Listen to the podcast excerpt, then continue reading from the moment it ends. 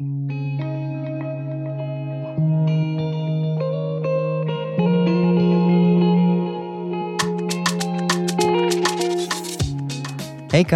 z tej strony Kasper Bomba, a wysłuchacie drugiego już odcinka naszej kwartalnikowej serii Załącznik do tekstu, czyli serii, w której dyskutujemy o tym, co BIS miał na myśli w tekstach zimowego wydania kwartalnika Przypatrz się dobrze.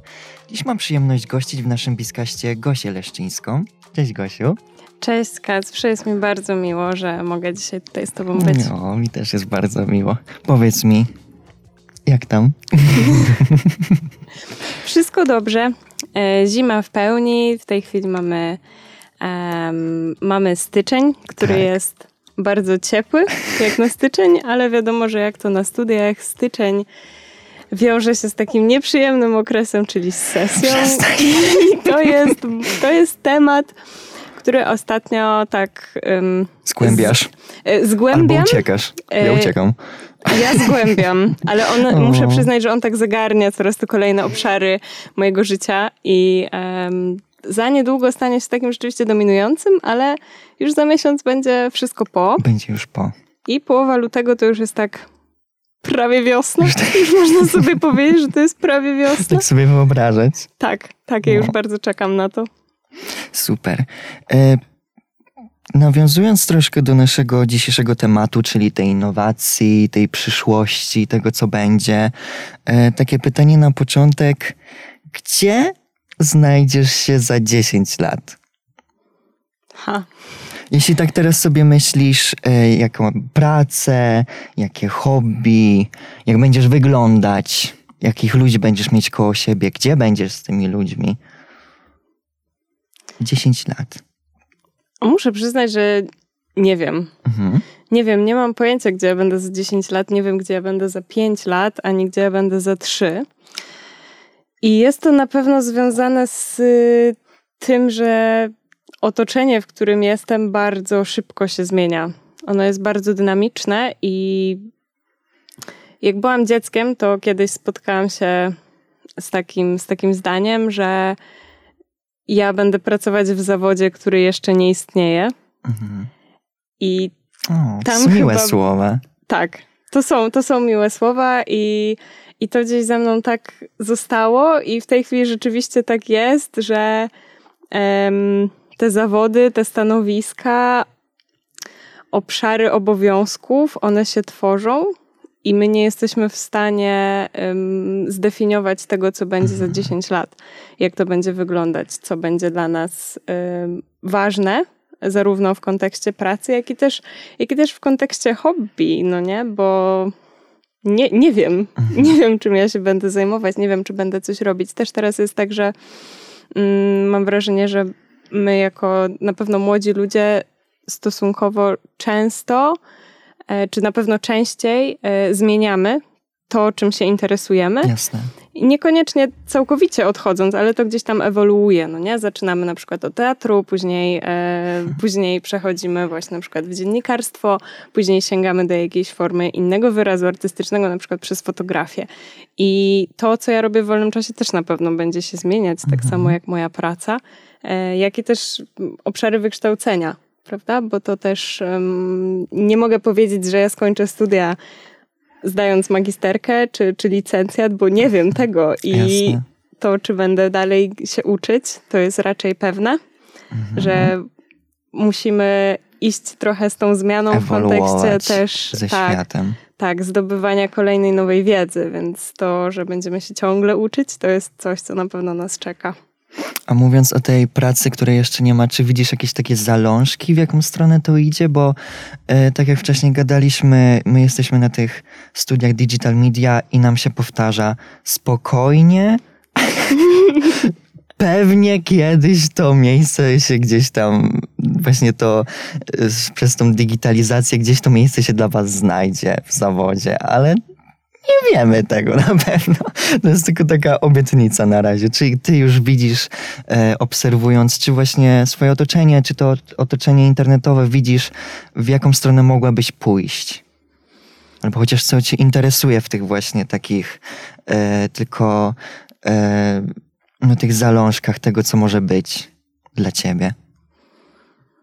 Mi się na pewno bardzo podoba to, że wszystkie kwestie związane z rozwojem nowych technologii bardzo mocno się wybijają mhm. i i to, co my, to czego ja się z kolei uczę na swoich studiach, ja studiuję informatykę i ekonometrię, e, no to są na pewno te informatyczne, informatyczne kwestie, no nie? Wykorzystanie um, matematyki, czy używanie kolejnych języków programowania, różnych innych do implementacji tego, działanie z danymi. To jest coś, co się cały czas rozwija i co na pewno będzie się rozwijało. Będziemy mhm. szli w tę stronę coraz większej migracji różnego rodzaju procesów, usług do internetu. I... Metaverse, moi drodzy. Zbliża się to nie, niewątpliwie mhm. muszę się zgodzić, muszę się zgodzić, że no to w tej chwili my już to widzimy, prawda? Że, że to już nie jest tylko to, że mamy jakieś dziwne programy, których nie rozumiemy, które nam liczą jakieś rzeczy i tam siedzą ludzie, którzy mówią jakimś swoim mhm. językiem. E, tylko my w tej chwili mamy przecież w internecie... w to wpychani, tak? Tak, ale my też mamy przecież tam lekarza, nauczycielkę, mamy wszystkie korepetycje, mamy spotkania zdalne. Mhm. E, takie nasze przecież też e, towarzyskie. To dalej Jasne. jest, to się na pewno pojawiało w pandemii, ale to dalej jest utrzymywane. Ja dzięki temu mam kontakt z ludźmi z Poznania, taki mhm. bardzo bliski i możemy pracować nie widząc się e, tak często, bo możemy się dzwonić zdalnie i to nie jest żaden problem.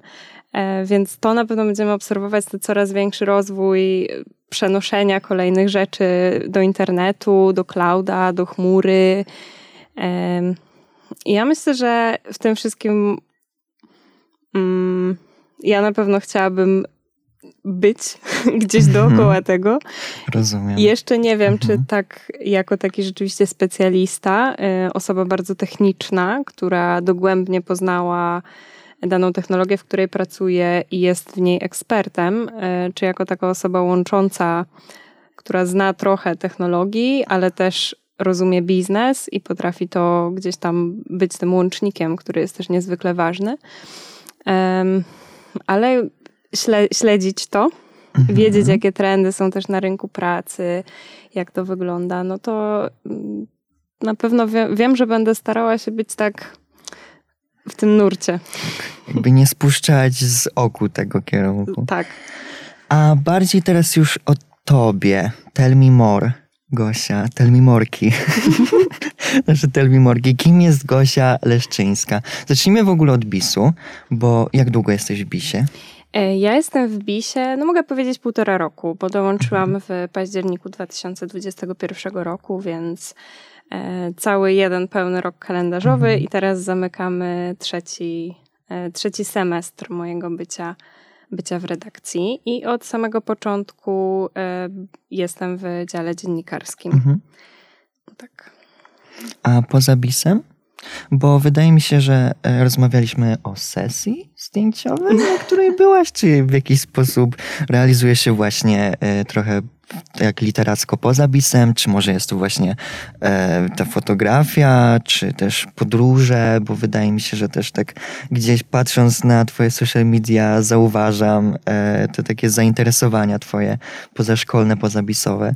Pozaszkolne i pozabisowe mhm. to definitywnie jest e, i fotografia i podróże. Mhm. E, od października e, uczę się na stażu w, w KSAF-ie, w drugiej redakcji mhm. Centrum Mediów. E, I te sesje zdjęciowe to mogły się pojawiać w związku z projektami, które mamy w Ksafie.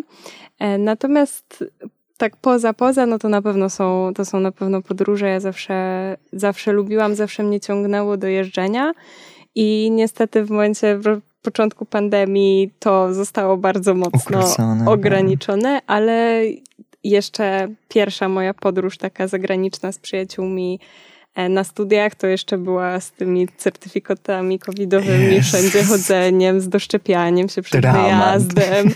E, no, na pewno wymagało to od nas dużo więcej pracy, żeby wyjechać. Jasne. Ale pewnie e, doceniasz to dużo bardziej. Tak, tak. No tamta, to była pierwsza podróż, była do Włoch w, w lutym no. tamtego roku. No i i to jest takie, takie wydarzenie, które tak otworzyło to, że właśnie można jeździć. No nie? I później się tak zaczęło i cały czas się e, gdzieś tam toczy. Fajnie. Też kiedyś się odważę Zobaczycie, kiedyś gdzieś ucieknę, ale no, na razie się boję takich. Nigdy nie, e, nigdy nie leciałem samolotem na przykład. O kurczę. I to jest takie marzenie moje trochę, trochę takie... Mogę spaść w dół, ale...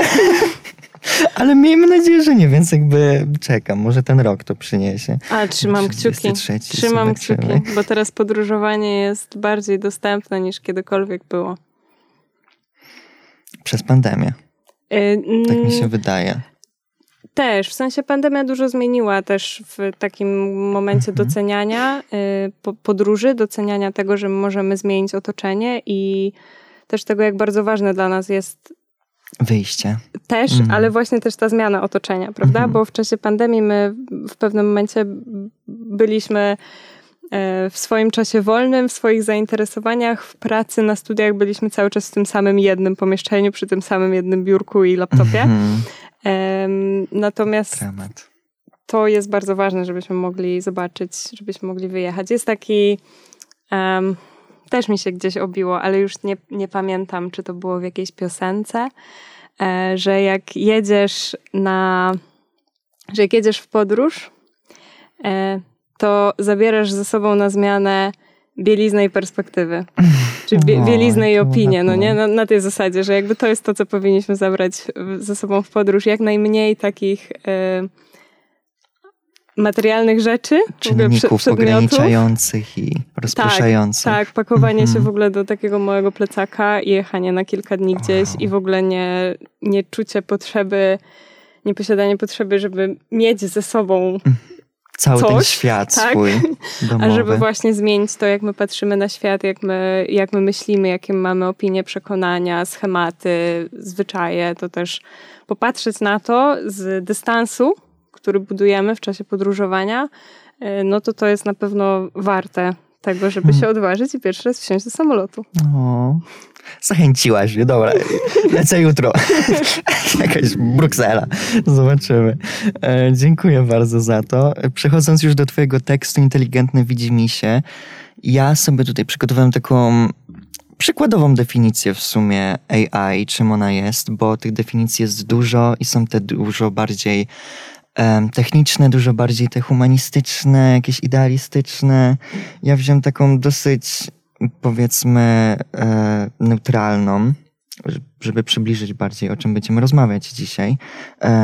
Czyli AI, sztuczna inteligencja, czyli ten artificial intelligence, to systemy lub maszyny, które naśladują ludzką inteligencję w celu wykonywania zadań i mogą sukcesywnie usprawniać swoje działanie w oparciu o zbierane informacje. Bardzo ładnie powiedziane. I co to znaczy w ogóle? Przede wszystkim, czym jest dla ciebie AI? Bo e, twoje studia no, skupiają się bardzo w tych tematach i tak, tak mi się wydaje, że idą w tą stronę. Moje tak trochę też, ale właśnie przez to, że są tak bardziej humanistyczne, to jest takie... Wszystko jest takie, takie piękne i takie em, kiedyś zrobimy wspaniałe rzeczy, ale nie zbliżajmy się do tego za bardzo na razie. Zobaczymy, co z tego wyjdzie. Czym jest dla ciebie ten AI? Jak, tak na co dzień, e, pisząc też ten tekst, co zauważyłaś? Ja zauważyłam, że dla mnie AI to jest y, pewne narzędzie, Mhm. które jest niesamowicie atrakcyjne dla wszystkich ludzi, bez względu na grupę, Mhm. Mm, nie wiem, na wykształcenie, czy na grupę społeczną, w której akurat nie te osoby się znajdują. To jest po prostu atrakcyjne. Mhm. I jest to bardzo ciekawe, jak właśnie różne osoby, czy inaczej, osoby z różnym, doświad- z różnym wykształceniem odbierają AI, jakie mają emocje związane z AI, bo nam to z kolei jest przedstawiane bardzo często jako e,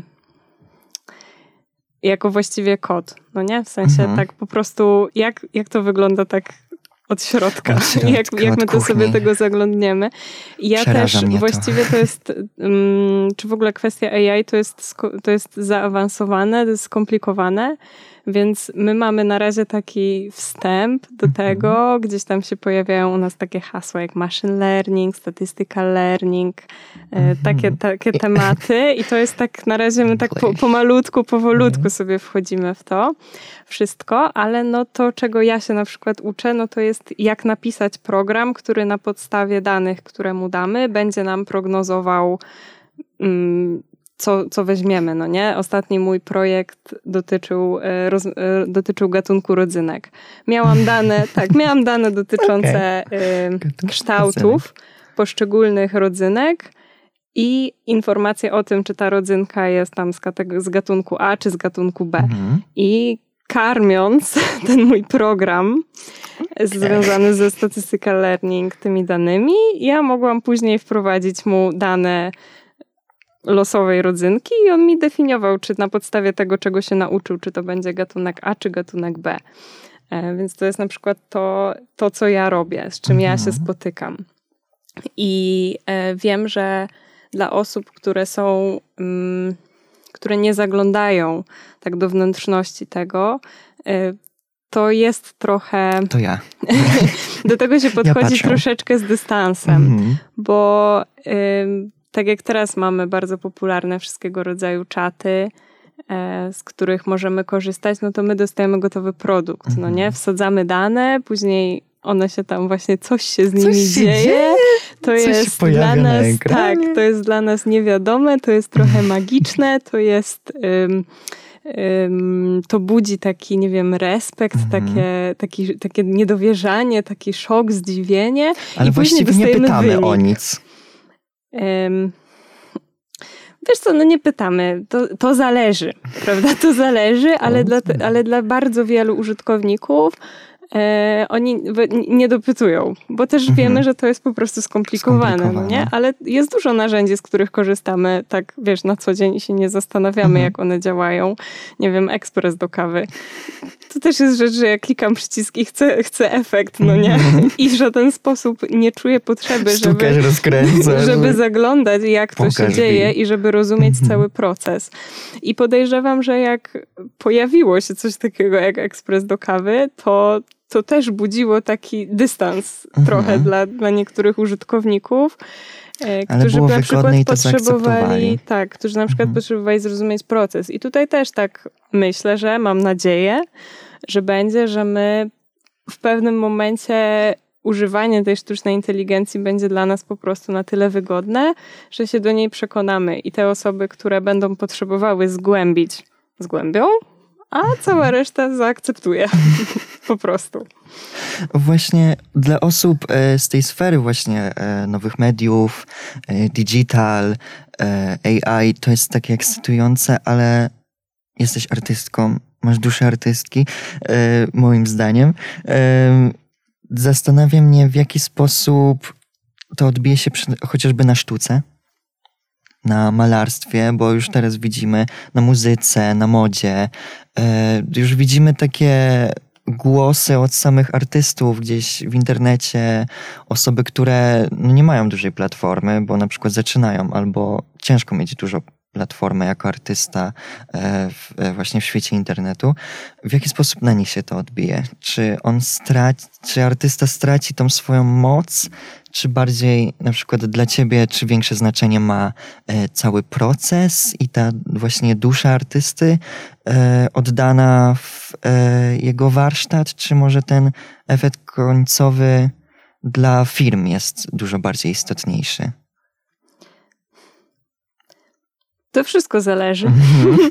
My możemy Pewnie. pójść w bardzo, w bardzo różne strony, ale em, na pewno w przypadku tworzenia sztuki z użyciem AI, to to jest właśnie tworzenie sztuki z użyciem AI. Mhm. My to AI wtedy powinniśmy, możemy Aha. traktować tak jak, tak jak pędzel, tak jak farby. Mhm.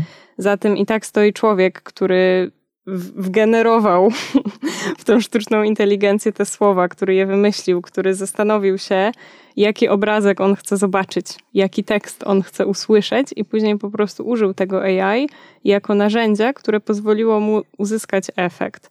To jest okay. definicja, czy, czy, jakby takie rozumienie do mnie przemawia w kontekście generowania sztuki mhm. z użyciem AI. Bo to nie jest tak, że sztuczna inteligencja budzi się w nocy, włącza komputer i zaczyna nam rysować obrazki nie jesteśmy nie? na tym etapie. to się nie dzieje, prawda? My mhm. musimy świadomie odpalić ten komputer, włączyć ten zasieć czat, ziarno. zastanowić się, mhm. zasieć ziarno. To też jest tak, że te czaty generują kilka obrazków, ty wybierasz, który ci się podoba, decydujesz, czy chcesz mieć... Um, wariacje na temat tego obrazka, czy chcesz mieć ten obrazek w pełni, czy chcesz coś zmienić, czy na podstawie tego obrazka chcesz coś dodać, usunąć, pociągnąć któryś motyw. Hmm. I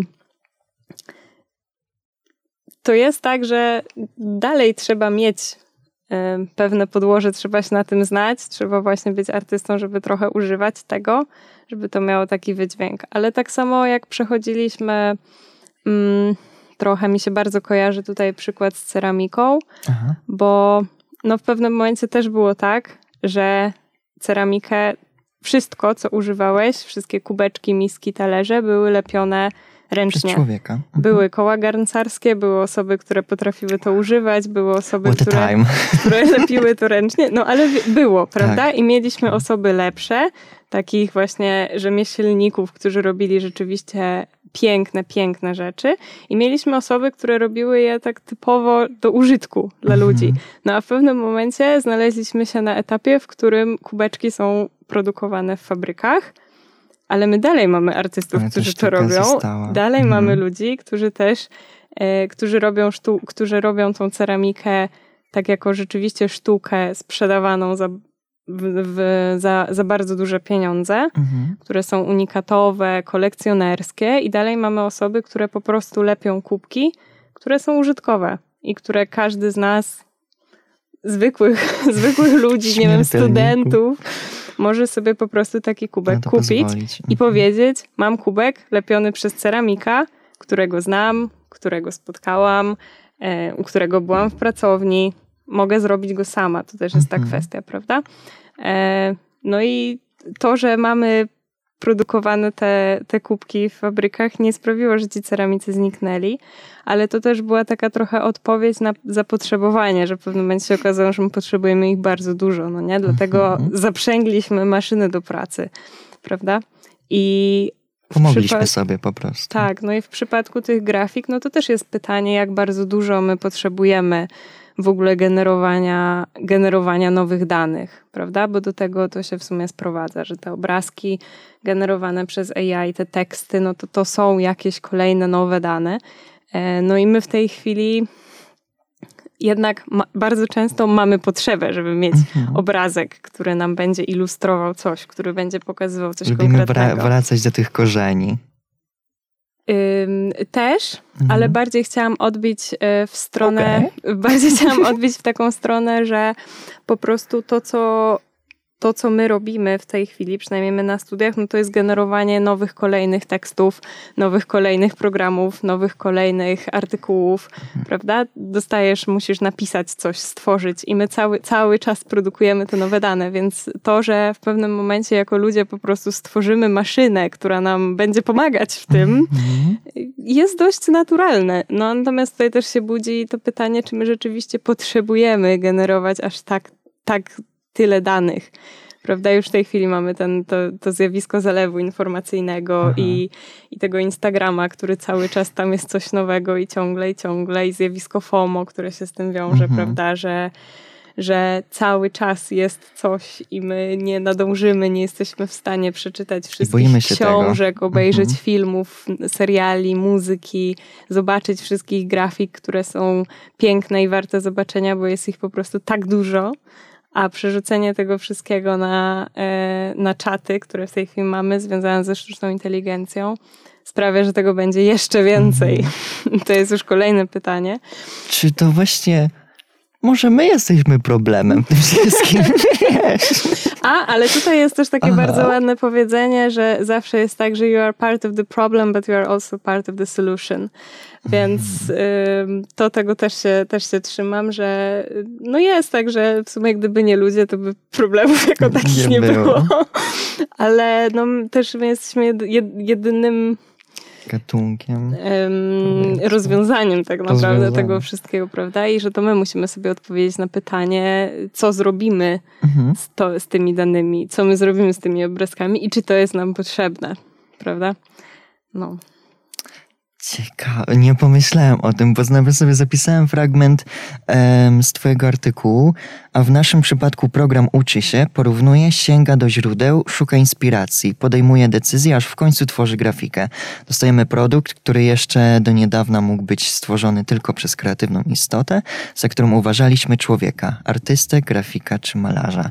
I właśnie w tym momencie sobie tak zatrzymałem się nad tym, e, no i przyszło to zastanowienie, ale pokazujesz taki zupełnie inny właśnie punkt widzenia, nie odepchnięcie artysty, tylko stworzenie jakby nowej ścieżki artystycznej właśnie w tej sferze cyfrowej. A tak, na pewno. Na pewno, bo też nawet mhm. możesz sobie pomyśleć o perspektywach zawodowych, no nie? Osoba, która... Metavers, moi drodzy. Ale osoba, która ma wykształcenie artystyczne, mhm. która widziała, w sensie uczyła się o sztuce, wie jak to wyglądało przez wieki, zna się na tym, widzi te obrazy, ma taki mhm. zmysł, że ona czyta artykuł i wie, I jakby wie. chciała go zilustrować. Przy okazji zna się na technologii trochę, ale w mhm. pewnym momencie też mi się wydaje, że idąc jakby dalej w tę stronę, w którą idziemy, w pewnym momencie wszyscy będą się znali na technologii trochę. Tak jak, jak wchodziły, tak, tak mhm. jak wchodziły komputery, no to w pewnym momencie doszliśmy do, doszliśmy do etapu, że każdy ma komputer i potrafi tak. go używać w stopniu mm, podstawowym, przynajmniej, prawda? Mhm. To też, y, że, że po prostu ludzie się będą znali na, tym, na tych rzeczach, których używamy. Y, I potrafi w taki sposób używać tego czatu, żeby generować grafiki, e, no to jakby z takiego punktu widzenia biznesowego, no to to jest na pewno dużo bardziej opłacalne niż e, praca z artystami, Pewnie. gdzie ten proces w ogóle tworzenia jest dużo dłuższy, konsultacji dużo dłuższy, to w mhm. ogóle im więcej czasu zajmuje nam zadanie, tym ono więcej kosztuje de mhm. facto. E, A to też pewnie zależy od charakteru marki, która właśnie wykorzystuje, e, wykorzystuje straszne słowo, współpracuje z takimi artystami, bo no jednak myślę, że trzeba e, stanąć przed tym pytaniem, co się stanie z profesjonalnymi artystami, którzy w ten sposób zarabiają na życie i no, myślę, że będą w pewnym momencie odsunięci od tego, wiesz? Jakby to będzie, czy to nie pozostanie sztuka dla sztuki, czy oni będą mogli w jakiś sposób się wybić, czy swoimi umiejętnościami, czy właśnie tą, tym charakterem marki. Ale to jest to pytanie, które zadałeś mi na samym początku, mhm. gdzie ja się widzę za 10 lat. Okej. Okay. Ci artyści, w sensie mi się wydaje, Czyli że... coś widzisz, coś widzisz, okej. Okay. nie, mi się wydaje, że jeżeli zapytał, w sensie, że warto też zapytać takie osoby, które mają takie obawy, gdzie się widzą za 10 mhm. lat. I, I czy one widzą się dokładnie w tym samym miejscu, w którym są teraz?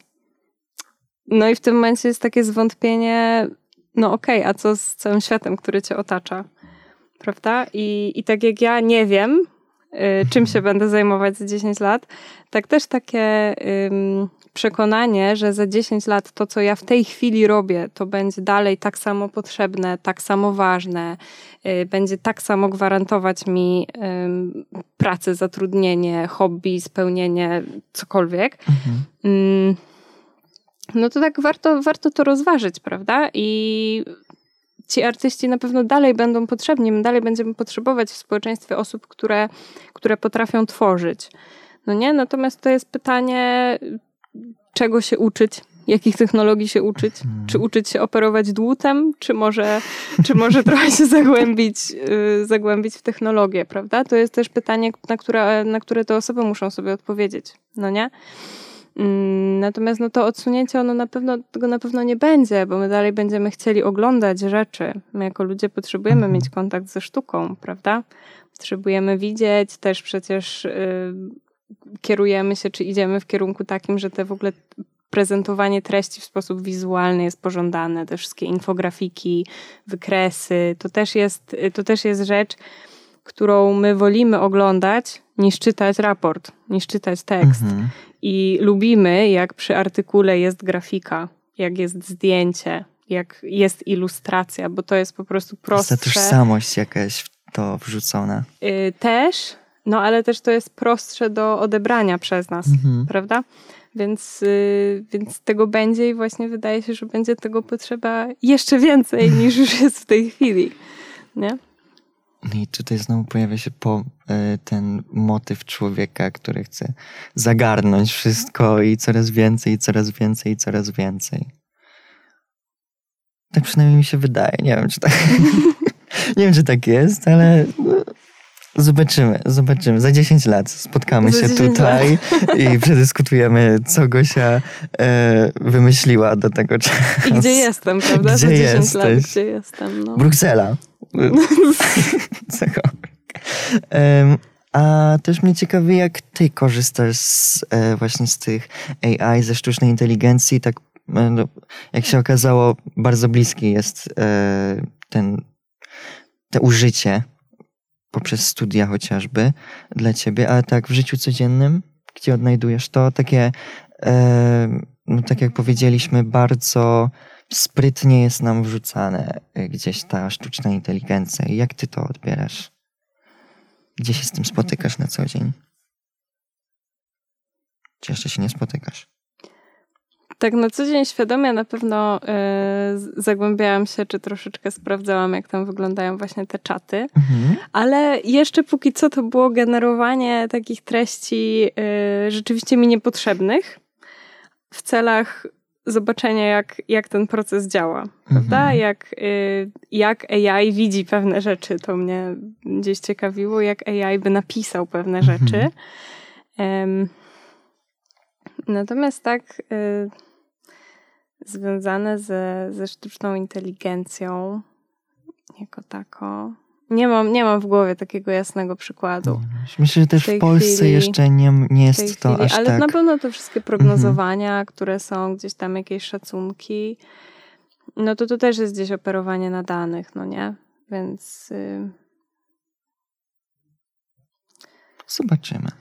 10 lat. 10 lat, 10 lat. Ale to jest 10 lat, to jest w ogóle strasznie dużo. To jest dużo. To jest okropnie to jest, dużo. Um, w sferze świata myślę, że nie, ale w tym internecie 10 miesięcy to jest mm, już to dużo. Jest dużo tak. I to jest tak właśnie specyficzny charakter internetu, to w jaki sposób z dnia na dzień, z tygodnia na tydzień e, to pędzi i no właśnie tak jak wcześniej rozmawialiśmy, twoja magisterka, wiesz, może być już napisana nie do końca przez ciebie, tak. Czy AI będzie pisać prace dyplomowe? Czy wtedy AI powinno artykuł. dostać tytuł? O. Tytuł naukowy? Jak będzie edukacja wtedy wyglądać? No, jak będzie wyglądać edukacja? W ogóle jakby kwestia, no, dalszej, dalszego rozwoju edukacji jest też bardzo ciekawa, prawda? Bo już w tej chwili mhm. mamy coś takiego jak y, szkoły w chmurze, prawda? Tak. Placówki, które uczą dzieciaki w ogóle zdalnie, bez tak naprawdę bez strict takiego bardzo sztywnego planu lekcji, mhm. tylko ze spotkaniami raz na tydzień, dwa razy na tydzień, takimi na żywo, a reszta rzeczy jest we własnym zakresie. No to jest też ciekawe. I, no i wiadomo, wszystkie zagrożenia i, i, i szanse, które się z tym wiążą. I to też na pewno się przekłada właśnie i na naszą pracę, i na naszą edukację jako, jako stu, studentów. No, gdzie ja będę za dwa lata? To jest dobre pytanie. To jest dobre pytanie, prawda? Gdzie będę za dwa lata? O. Za dziesięć lat to, to jest dawno, dawno. Mm, daleko. Bo teraz e, na którym roku jesteś studiów? Na trzecim. Na trzecim. Na trzecim. I o czym piszesz pracę? O. Jest to jakoś w temacie, czy tak? E, po części. Mhm. E, ja będę, czy piszę pracę o, e, związaną z badaniami motyw, mo, badania motywacji do samorozwoju członków ZHP. Mhm. To jest organizacja pozarządowa, z którą współpracuję. I w tej, w tych badaniach zbieramy informacje na temat tego, dlaczego ludzie podjęli decyzję, że będą się rozwijać. Mhm. E, w postaci realizacji zadań w ułożonym, konsultowanym z innymi osobami planie rozwoju. Funkcjonuje coś takiego jak taki, taki plan, który się rozpisuje na, na rok, na dwa lata, z konkretnymi zadaniami, z konkretnymi celami, które te osoby mają, e, chcą zrealizować. No i my się ich pytamy, dlaczego? dlaczego ty chcesz to robić? E, I mamy różne hipotezy, czy to są czynniki zewnętrzne, czy to są czynniki wewnętrzne, w jakich grupach mamy pogrupowane te osoby według różnych kategorii. To się zmienia, że tutaj może będzie bardziej tak, a tutaj tak. E, no i tych danych finalnie będziemy mieli tam 12 czynników motywujących mamy. No i chcemy się zastanowić, czy jakby pogrupować te osoby według tych czynników i sprawdzić, czy te grupy, które nam wyjdą z tych czynników, mhm. pokrywają się z tymi naszymi, które wymyśliliśmy w hipotezach, jakie mamy w hipotezach. No i to też jest związane z tym, że ja będę korzystać z czegoś takiego, co się nazywa analiza skupień, która pozwala mi przełożyć dane wielowymiarowe, w moim przypadku te dwunastowymiarowe, na płaszczyznę dwuwymiarową. I to też jest. To też by można było wykorzystać do do takiego prognozowania w postaci, jakbym wpisała jakąś kolejną osobę z danymi, z danymi motywacjami, no to ten program, który się nauczył na podstawie tych danych, mhm. mógłby mi ją dorzucić do konkretnej grupy, czyli zdefiniować, czy ta osoba będzie tam w kategorii A, B czy C, na podstawie tego, co ja mu wprowadziłam.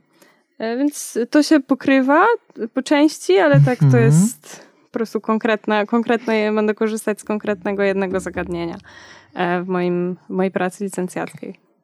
No. Będziesz drążyć temat. Tak. Tak, będę się zastanawiać, dlaczego ludzie robią rzeczy, dlaczego ludzie się chcą rozwijać. Przecież dlaczego rozwój to jest tak- jesteśmy? tak, tak niewygodny, ale to jest tak niewygodny proces, w sensie w ogóle sam rozwój, prawda? Rozwój człowieka? No, w sensie w ogóle, jak chcesz się gdzieś rozwinąć, chcesz się rozwinąć w jakimś, e, w jakimś, e, mm, w jakimś obszarze, mhm. to to nie Dla jest mnie to jest bardzo frustrujące. No. Bo jestem osobą, która o, może nie powiedzmy, że tak specjalizuje się w czymś konkretnym, ale bardzo by chciała się specjalizować. I jak ja nie mogę tego robić teraz, w tym momencie, to ja tego nie chcę. jak ty podchodzisz do czegoś takiego? Też z takim nie, nie, zostawcie mnie, już nie będę więcej tego robić. Czy bardziej jesteś taka e, cierpliwa i gorliwa w tym, co robisz?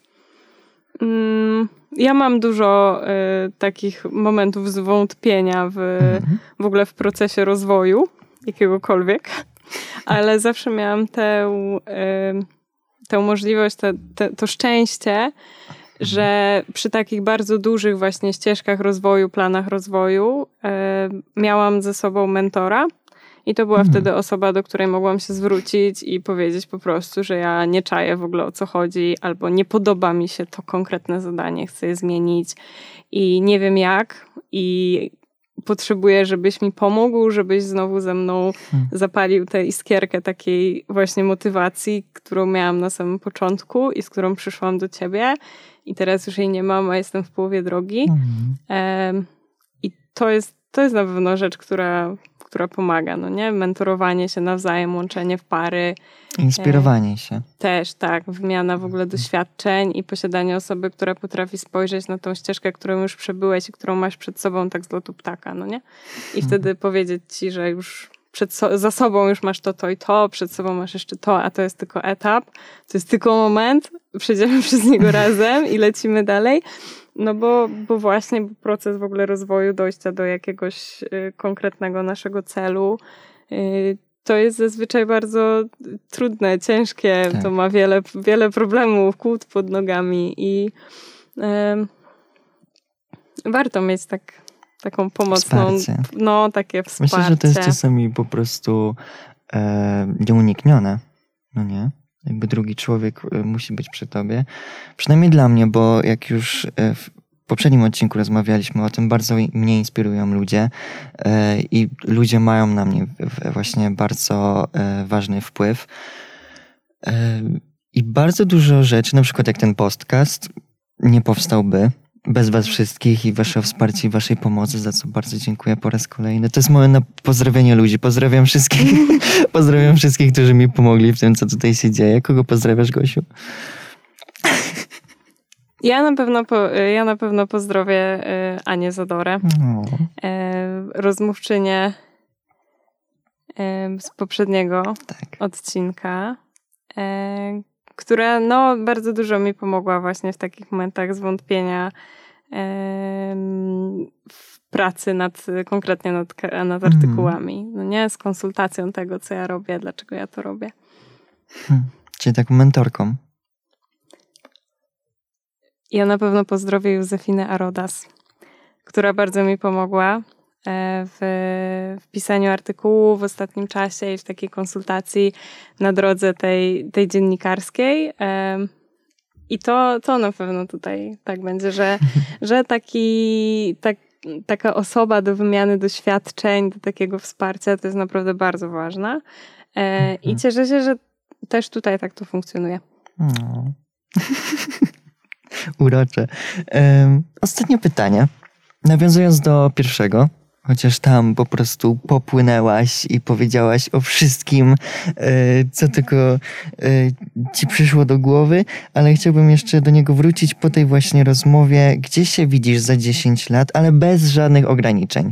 Tak możesz sobie wymyślić, co tylko byś chciała może zrealizować, jakieś marzenia z przeszłości, e, jakby co byłoby takie to chcę w tym momencie, teraz.